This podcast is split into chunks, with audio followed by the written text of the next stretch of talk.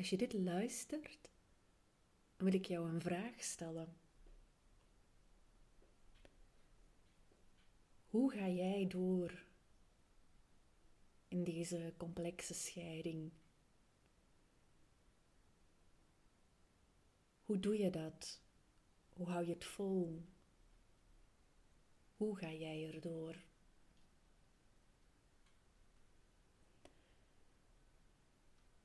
En daar wil ik het graag met jou over hebben in deze aflevering.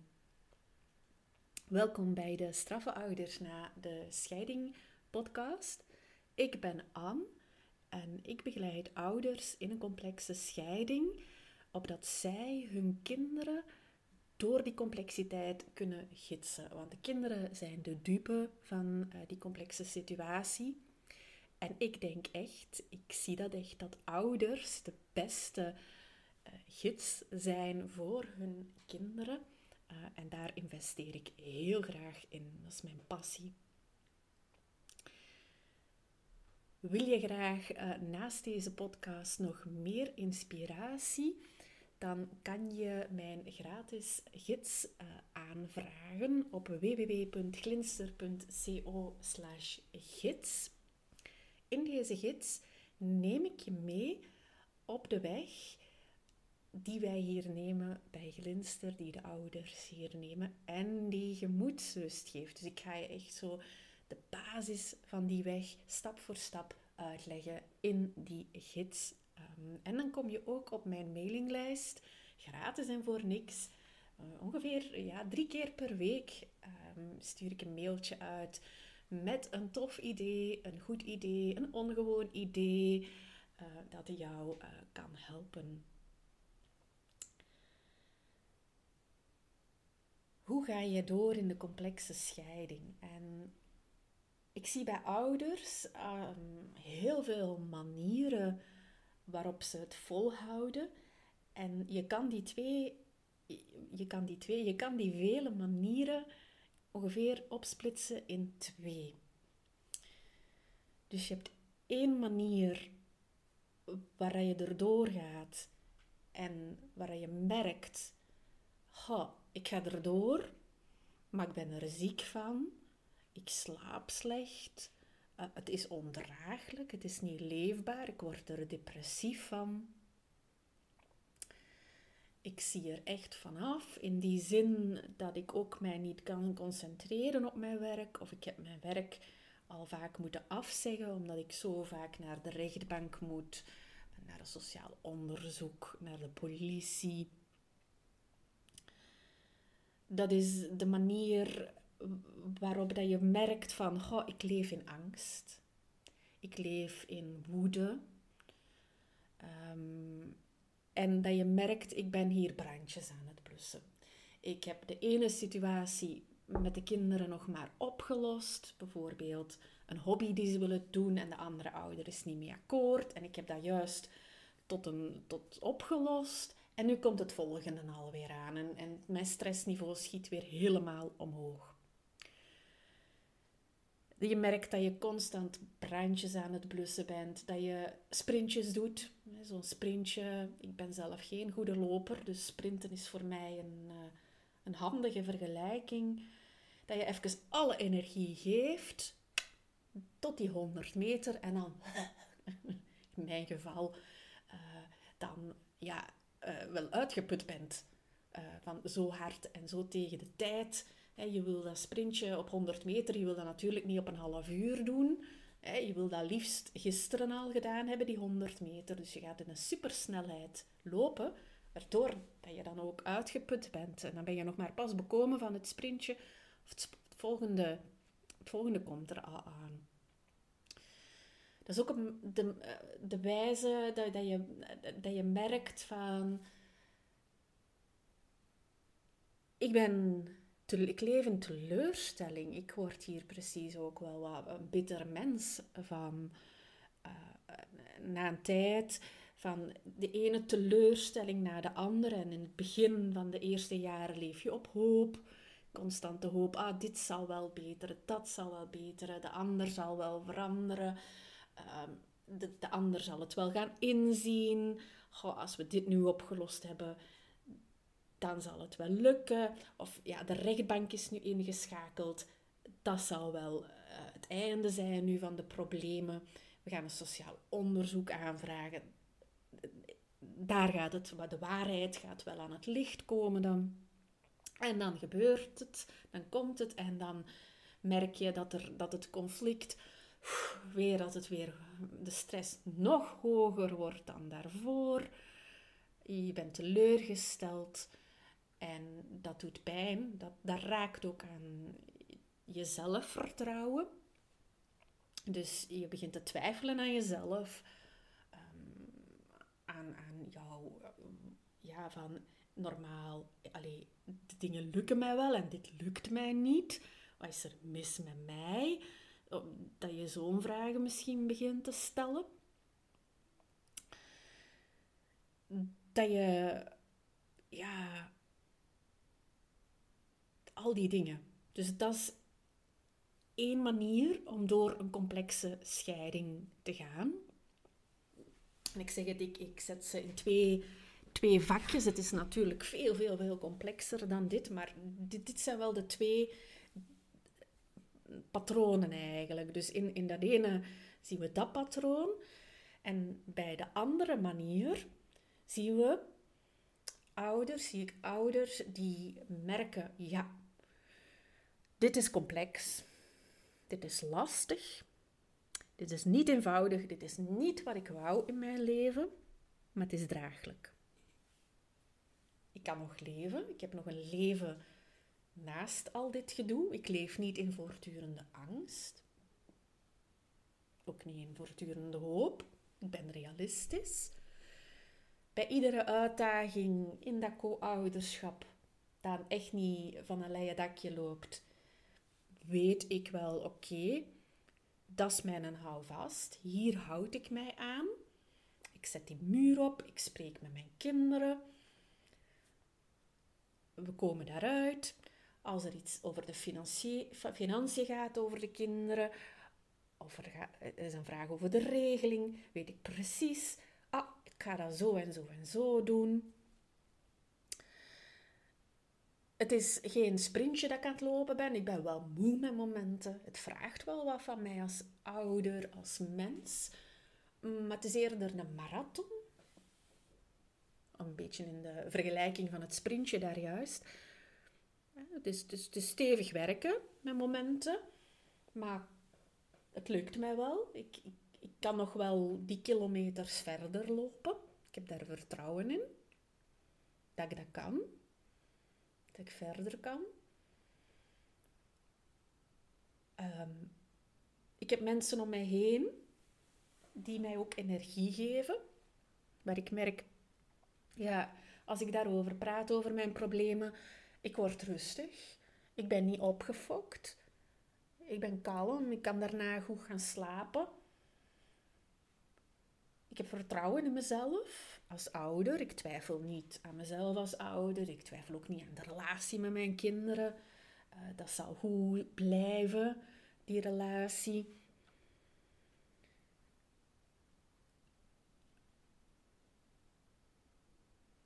Dat is, de, dat is de andere manier. Dus mijn vraag aan jou: waar zit jij? Zit jij meer bij de eerste manier om door een complexe scheiding te gaan? Of zit je meer in de andere manier? Zit je daar ergens tussenin? Zit je meer aan de ene kant of aan de andere kant? Herken jij? Herken je niet?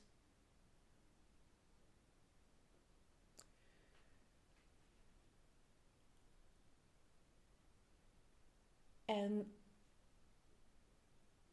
als je dat zo opmerkt, waar je zit,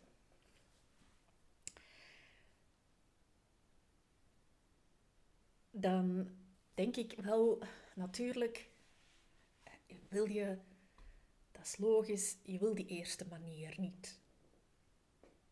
Iedere ouder in een complexe scheiding wil liever ook die tweede manier. En je zal misschien denken, maar dat is misschien niet voor mij weggelegd. Mijn situatie is te complex. Dat gaat niet lukken. Ik kan dat niet. Wel, ik ga je zeggen, er is, je hebt wel de keuze. Het vraagt een mindshift in het begin. Dus even hard werken. Maar als je bereid bent om dat te doen, dan kan je dat. Ik gids ouders in de meest complexe situaties op die tweede manier. Ik toon die manier, ik begeleid hen daarin met mijn vragen op een heel zorgende manier, zodat je meer in die andere richting komt. Um, tot op het moment dat je zegt: Oké, nu is het goed. Op die manier um, is het goed voor mij. Ja, ik, ik voel me goed. Mijn kinderen zitten goed. Ik heb er vertrouwen in.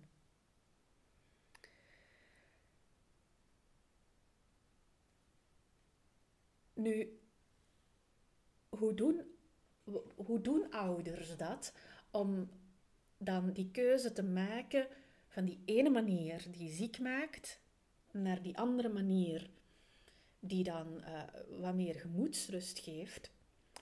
Dat is natuurlijk veel te complex om in uh, één podcast weer te geven of zelfs één podcastaflevering hoe dat ze dat doen. Ik heb daarvoor begeleid ik ouders in heel concrete situaties. Dus zij leggen mij precies voor waar ze tegenaan lopen, wat hun vraag is. En dan weet ik precies met welke vragen dat ik dan moet stellen. Dat is heel erg maatwerk. Maar ik heb voor deze aflevering heb ik hier drie dingen uitgehaald dat de ouders in de Glinster Tribe echt doen. Precies zo die kernvaardigheden die ze hebben, waarmee dat ze die marathon lopen en daar vertrouwen in hebben. Nu, dat zijn geen quick fixen. Het is niet omdat je deze nu gaat horen, uh, dat die er morgen ineens plots in jouw leven zijn. Ik zeg dat want als je zou merken, dat werkt niet voor mij na een week of enkele weken, dat je daarmee ook niet denkt, het is onmogelijk voor mij. Ja, ik zou dat heel jammer vinden. Het is wel zo, als je hierop oefent, heel regelmatig, dat dat wel gemakkelijker en gemakkelijker gaat. En dat ik denk dat jij dat kan. Dus je hebt andere vaardigheden nodig op die tweede weg dan op die eerste weg. Ja, sprintjes lopen, dat is ook heel interessant. Hè? En je houdt dat wel vol, de eerste jaren na de scheiding. Maar dan die jaren daarna, als dat nog blijft duren, ja, daar word je ziek van. Hè? Van constant sprintjes te moeten lopen in de hoop dat dat het laatste sprintje is of dat het dan opgelost is.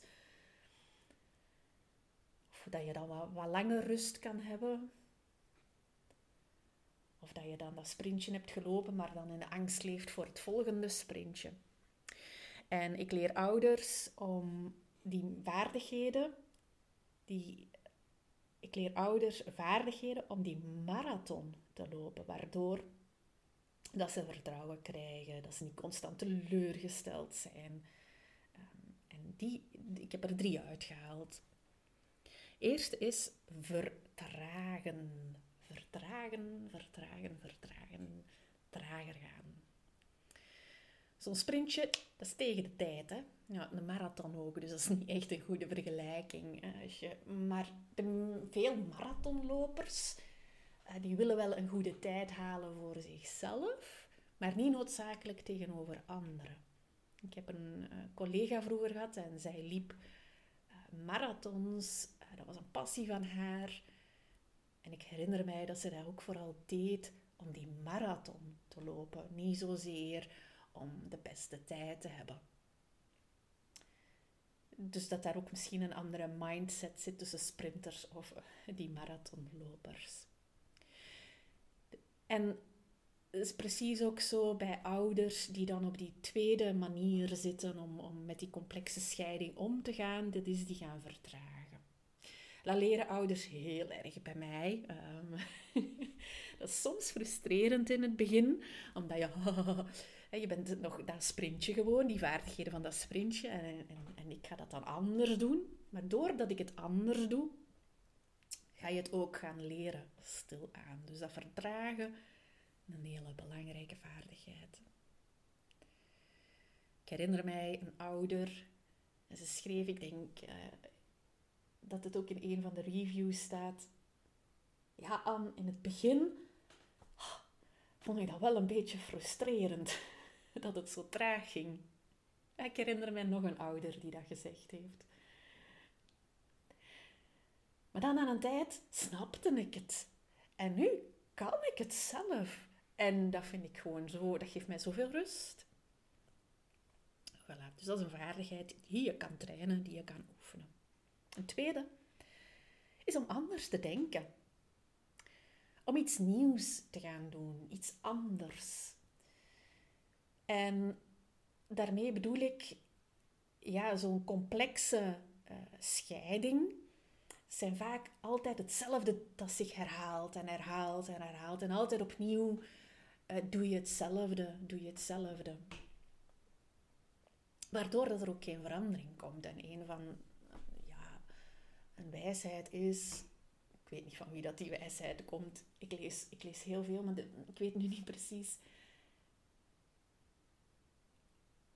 Als je, als je wil dat de dingen blijven gaan zoals ze gaan, dan moet je hetzelfde blijven doen. Maar als je wil dat de dingen anders gaan, dan ga je iets anders gaan doen. Dat vraagt ook om anders te denken over uh, wat er zich afspeelt, zodat je ook iets anders kan gaan doen, iets nieuws kan gaan doen. En het probleem met die eerste manier is, doordat je uitgeput geraakt, ziek, dat heeft als effect dat je kwetsbaarder staat. En dat je ook die nieuwe dingen niet zo goed gaat kunnen zien. Dat is zo als je uitgeput bent. Dan is het moeilijk om nog iets nieuws te gaan proberen, iets nieuws te gaan zien, daarvoor open te staan. Maar als je dat toch gaat oefenen om iets anders te gaan proberen, om iets nieuws te gaan proberen, dan gaat er ook iets nieuws in, in, in, in alles uh, gebeuren ook, in, in, die, in die complexiteit, in die complexe situatie. Eén iemand kan het verschil maken. ik werk altijd met de ouder waar ik potentieel in zie, waar ik dat echt in zie. Dus als jij dit luistert, dan weet ik zeker dat ik, als ik jou hier voor mij zou hebben, dat ik dat potentieel ook in jou zou zien. Om die mindshift te maken, om anders te gaan denken. Dat vraagt ook dat je gaat spreken met de mensen rondom jou ook op een andere manier. Want zij gaan ook gewoon altijd hetzelfde gaan herhalen, herhalen, herhalen, die verhalen. Het is altijd opnieuw hetzelfde. Dus dat gaat ook vragen, je kan dit niet alleen. Hè? Als je, zeker als, je, als het al lang duurt en je bent uitgeput, om dan iets anders te gaan proberen op je eentje, niet gemakkelijk. Hè? Dus uh, je kan daar best wel wat steun in gebruiken van de mensen rondom jou. Dus het is um, ook een belangrijke vaardigheid, nog eentje extra om daar ook um, de mensen rondom jou ook daar attent op te maken. Ik wil hier iets, iets anders, iets nieuws. Dit, dit is een, een straatje zonder einde. Wat zou, wat zou ik anders kunnen doen dan we dat al gedaan hebben? Een derde vaardigheid uh, die ouders trainen om van die ene manier meer naar die andere manier te gaan, of ja, helemaal naar die andere manier, daar ga ik echt voor. Dat is angst te gaan opmerken. En angst te gaan voelen. Niet op die manier dat het jou overspoelt of jou overneemt, maar ook om het niet weg te drukken. Omdat die angst een heel belangrijke signaal is in het lichaam om naar te luisteren. Angst is een slechte raadgever. En als we die voelen, angst is geen slechte raadgever. Als je op straat loopt en uh, er komt een auto op jou af en je voelt angst, hè, dan is angst zeker zinvol. Maar in, in langdurige stresserende situaties is angst een slechte raadgever. En um, ik merk dat ouders die op die eerste weg zitten, heel veel um, angst onderdrukken, ofwel geleefd worden door die angst. Dus dat ze manieren vinden om geen angst te voelen, hè, door, door te vluchten of door ja, dingen te doen om die angst niet te voelen. Oftewel uh, overspoeld worden door die angst, paniek, um, niet meer kunnen functioneren door die angst. En door die opnieuw in het lichaam op te merken en als een signaal te zien, gaat dat ook een gids worden voor die tweede weg. Omdat je weet, ah, wat dat mij angst geeft, daar word ik ziek van. Dat is, niet, dat is niet de richting. Dus ik ga iets anders doen.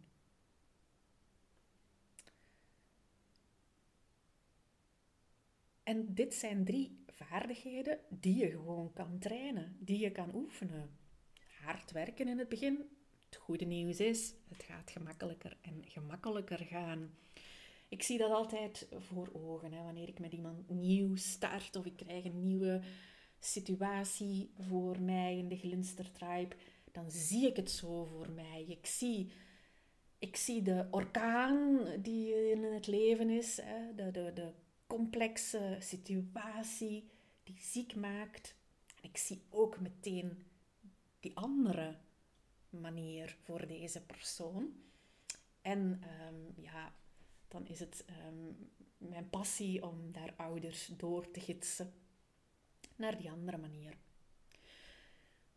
Ik heb deze vragen besproken naar aanleiding van een uh, Instagram poll. Uh, ik zocht nieuwe thema's voor de podcast. En het, uh, het, thema, ja, hoe houd je het vol? Hoe doe je dat? Zo door een complexe scheiding gaan. Die kwam daar naar voren. Ik heb nog vele andere ideeën, dus die ga ik de komende weken met jou bespreken. Heb je zelf nog een idee voor een podcastaflevering, een vraag? Heel graag. Stuur mij die door naar info.glinster.co. Um, en wie weet, de boeiende vragen, die neem ik mee in de volgende afleveringen. Alleszins, sowieso tot volgende week. Dag!